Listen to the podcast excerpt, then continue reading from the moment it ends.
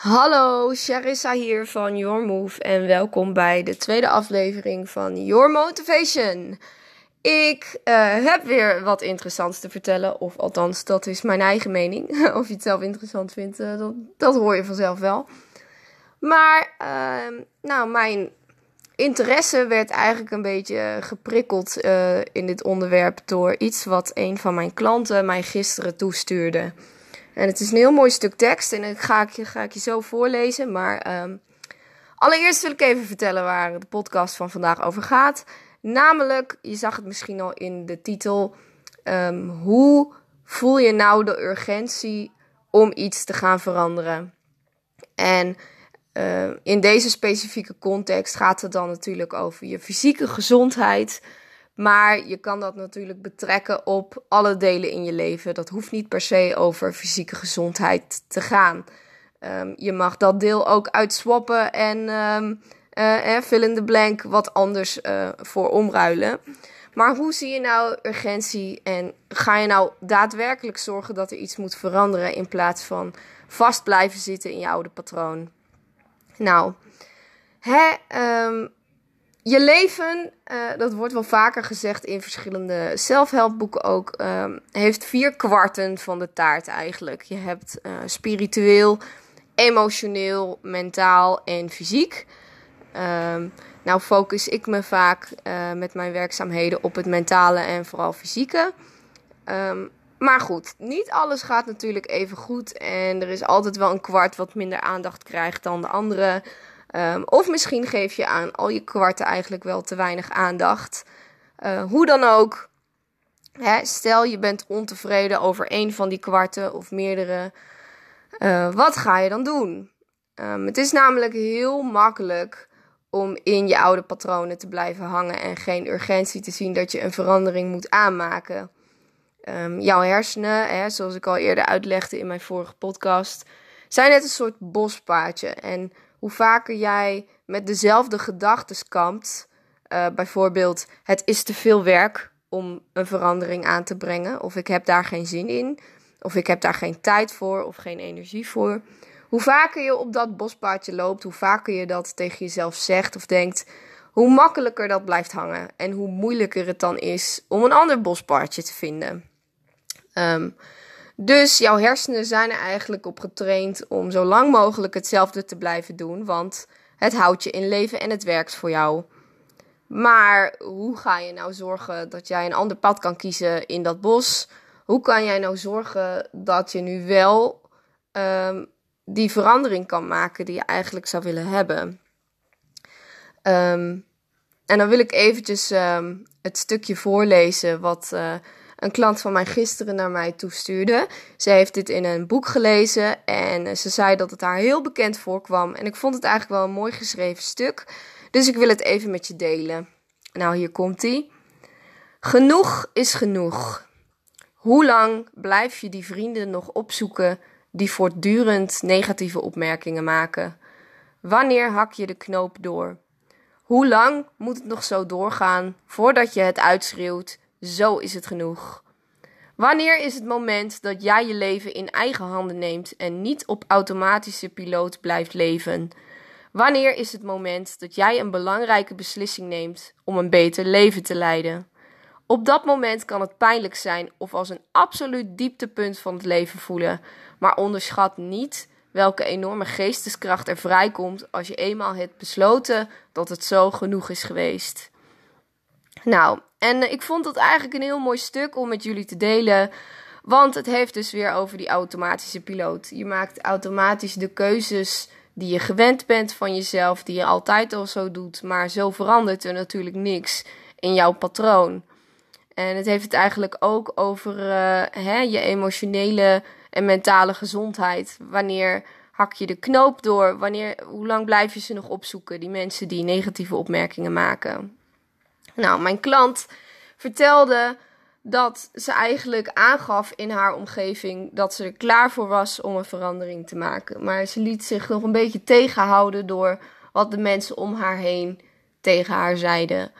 Um, ze zei: Ik kreeg altijd opmerkingen van: Je bent gek als je na je werk nog gaat sporten.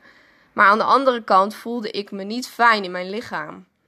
Dus zij wist, er is urgentie, ik voel me niet fijn, ik moet een verandering maken. Maar zij liet door haar directe omgeving zichzelf eigenlijk gewoon beïnvloeden, waardoor ze die verandering niet maakte. En ook zo kan de urgentie die jij ziet eigenlijk beïnvloed worden. Je kan het misschien zelf ook wel zien, alleen laat je je nog tegenhouden door externe factoren. En um, Mark Siegenbeek van Heukelom uh, heeft een boek geschreven. Het heet Helemaal naar de meditering. En uh, die zei daar wat leuks over. Die zei: Het is handig om eens te kijken naar je leven. Wat voor cijfer geef jij je leven? Als je nou heel eerlijk bent tegen jezelf, wat voor cijfer geef jou je leven, jij aan je leven? Als jij nou kijkt naar je spirituele, emotionele, mentale en fysieke gezondheid. En je bent heel eerlijk tegen jezelf, wat voor cijfer geef je dan aan jezelf? Als jouw leven nu een 4 is en geen 7, dan heb je eigenlijk geluk, zei hij.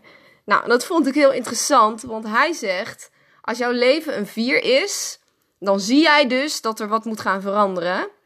Terwijl een 7 misschien het risico niet wil nemen om die 7 op te geven om er misschien een 8 of een 9 van te maken. Maar als jij een 4 hebt, dan is het veel makkelijker om daar iets aan te doen. Omdat je eigenlijk niks te verliezen hebt. Dus kijk eens naar jezelf. Wat voor cijfer geef jij je leven? En zie jij de urgentie om iets te veranderen? Nou hebben we eigenlijk een paar tips om eens te kijken van hoe kun je van het zien van de urgentie um, doorgaan eigenlijk naar daadwerkelijk ook een verandering aanbrengen. Nou, hè, want je hebt dus nu bedacht: oké, mijn leven is misschien wel een onvoldoende of maar een schamele voldoende en ik wil daar wat beters van maken. Hoe ga ik dan nu van die urgentie zien door naar ook echt wat gaan doen? Want dat is voor heel veel mensen vaak ook nog heel erg lastig. Nou, allereerst stel jezelf eens de vraag: wat heb jij nodig om te veranderen? Hè? Dus je moet dan eerst even weten over welke kwart van de taart gaat het waar jij nu een verandering wil aanbrengen. Want je kan niet alles tegelijk. En wat heb je daarvoor nodig? Heb je daar geld nodig? Heb je kennis daarvoor nodig? Heb jij een nieuwe woonruimte nodig? Um, nou, eigenlijk kun je dan voor jezelf een lijstje opstellen van dit zijn de dingen die ik nodig heb om deze verandering te kunnen maken. Nou, hoeven dat niet per se praktische dingen te zijn, zoals ik die net voorlas, maar ook uh, het kan iets heel abstract zijn, zoals ik heb een vriendin nodig die mij daarin ondersteunt. Dat kun je natuurlijk niet aanraken. En dat is geen geld. Maar dat zou ook iets kunnen zijn wat je op je lijstje schrijft. Dus ga eens goed nadenken. Wat heb jij nodig om die ene kwart van de taart waar je nu wat aan wil doen, beter te maken? Nou, ook zei die Mark Siegenbeek van Heukelom um, dat energie vaak de grootste factor is die je nodig hebt om een verandering aan te brengen. En dan is dus de vraag: hoe zorg je ervoor dat jij de energie hebt om die verandering dus te gaan doorvoeren? energie is eigenlijk vooral fysiek deel. Um, dat heeft vooral te maken met je fysieke gezondheid. Dus hoe ga jij ervoor zorgen dat jij genoeg energie hebt om nou, het leven aan te gaan pakken om van die vier een zeven te maken, bijvoorbeeld. Um, dus vraag jezelf dan het volgende af: Zorg jij voldoende voor jezelf? Nou, dat gaat over alle kwarten van de taart, maar ik heb het nu specifiek over fysiek. Leef jij gezond en beweeg je voldoende? Maak jezelf sterk en krachtig ter voorbereiding op een eventuele verandering. Wanneer jij de energie niet hebt voor een verandering, dan ga je iets twee weken proberen. En dan zuigt het zoveel energie van je op dat je uiteindelijk ermee stopt omdat het niet vol te houden is. En dat wil je natuurlijk voorkomen, want als je gaat voor die verandering, je hebt een commitment gemaakt tegenover jezelf en misschien ook wel tegenover je partner of een vriendin van nou, ik wil dit graag gaan doen. En vervolgens kom jij door een gebrek aan energie eigenlijk er niet aan toe om die verandering echt door te voeren. Dus energie, ik ben het met uh, Mark eens, is een hele, hele grote factor om te zorgen dat jij van die urgentie dus ook echt een verandering kan maken. Nou, in mijn mening, optiek, mijn, in mijn mening is volgens mij niet eens een zin. Mijn optiek is je fysieke gezondheid eigenlijk van de vier taartkwarten het makkelijkst aan te pakken. Want je hoeft niet heel diep te graven. Zou je meteen beginnen met een taartkwart spiritueel, mentaal, emotioneel, dan kunnen er misschien wel dingen omhoog komen die heel veel tijd gaan kosten, of waar je nou ja, best wel misschien wel heftige dingen hebt meegemaakt en um, wat je heel veel energie gaat kosten voordat het je überhaupt energie gaat opleveren. Um, en de veranderingen die je daarin kan maken zijn meestal geen praktische dingen, maar uh, die zijn wat meer abstract. Um, dus voor een allereerste verandering zou ik zeggen: de fysieke taartkwart is het makkelijkst om mee te beginnen, want het zijn hele praktische dingen die je daarvoor moet doen. Dus daarom zou ik je aanraden om eens met de fysieke taartkwart te beginnen als jij iets wil veranderen aan je leven. Je komt namelijk in een soort cyclus terecht. Je hebt stress op je werk of uh, je hebt kinderen en die moeten naar de crash. En uh, nou, je komt dan thuis, kids liggen op bed of je bent klaar en vervolgens uh, ga je tv kijken of je gaat scrollen op je telefoon. Ik ben er zelf ook schuldig aan. Denk niet dat ik een uh, heilige Maria ben hierin. En um, voor jou voelt dat als ontspanning, maar je hersenen uh, zien deze activiteiten eigenlijk ook als werk. Het is misschien wel leuker werk, maar dat zei Mark van Mark Siegebeek van Heukelom ook. Jouw hersenen zien dit dus ook als werk. Um, hierdoor slaap je natuurlijk slechter. Dus je hersenen zijn veel langer aan eigenlijk. Dus het duurt langer om in slaap te komen. Je slaapt slechter. Je doet minder, waardoor je makkelijker slecht eten eet. En zo kom je steeds in die cyclus. Door het slechte eten heb je weinig energie, heb je weer stress op je werk, heb je weer geen zin om na het werk nog iets te doen. En zo gaat die cirkel eigenlijk helemaal rond. Dus wat jij moet gaan doen als jij die fysieke taartkwart wil aanpakken, is dit aanpakken. Je moet, je moet één factor uit, uit die cyclus gaan halen en anders maken. Nou, hè, stel je gaat sporten, je schrijft je in bij een vereniging of je gaat naar de sportschool, dan slaap je veel beter. Je, je lichaam is moe, heeft veel meer rust nodig, dus je valt sneller in slaap. Je hebt minder energie om s'avonds nog lang tv te kijken, bijvoorbeeld. Je gaat slapen, vervolgens slaap je langer en dieper. Dan word je wakker, heb je meer energie. Wanneer jij vaker aan het sporten bent, zal jij vaker ervoor kiezen om gezonder eten te eten, want anders doe je het sporten voor niks. En zo kun je langzaam eigenlijk die cirkel met al die factoren die jouw fysieke gezondheid negatief beïnvloeden, langzaam eigenlijk veranderen tot een andere factor. In plaats van slecht slapen ga je goed slapen.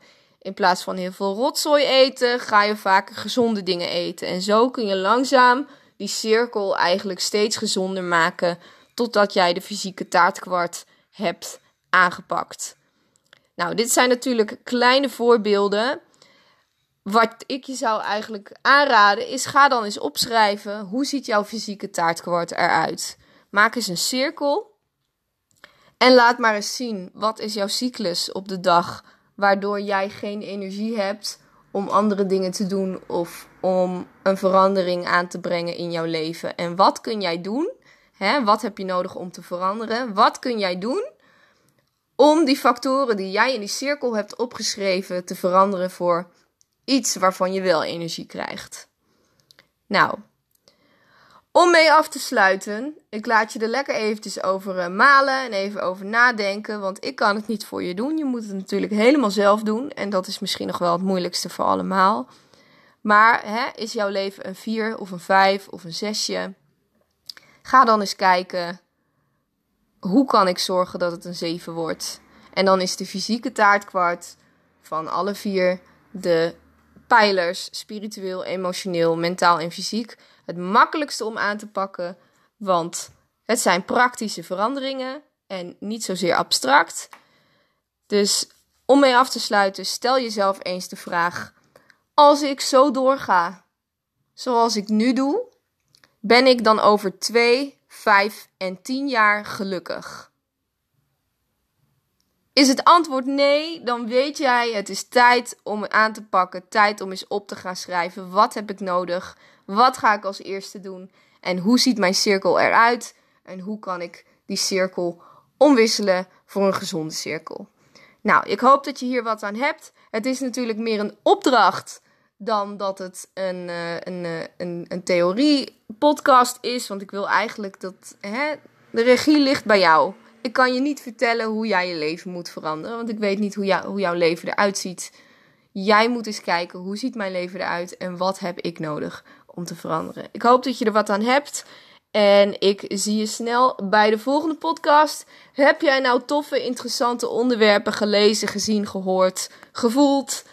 Dan hoor ik het graag van je. En dan spreken wij elkaar snel weer via mijn podcast. Oké, fijne dag verder en succes met de opdracht.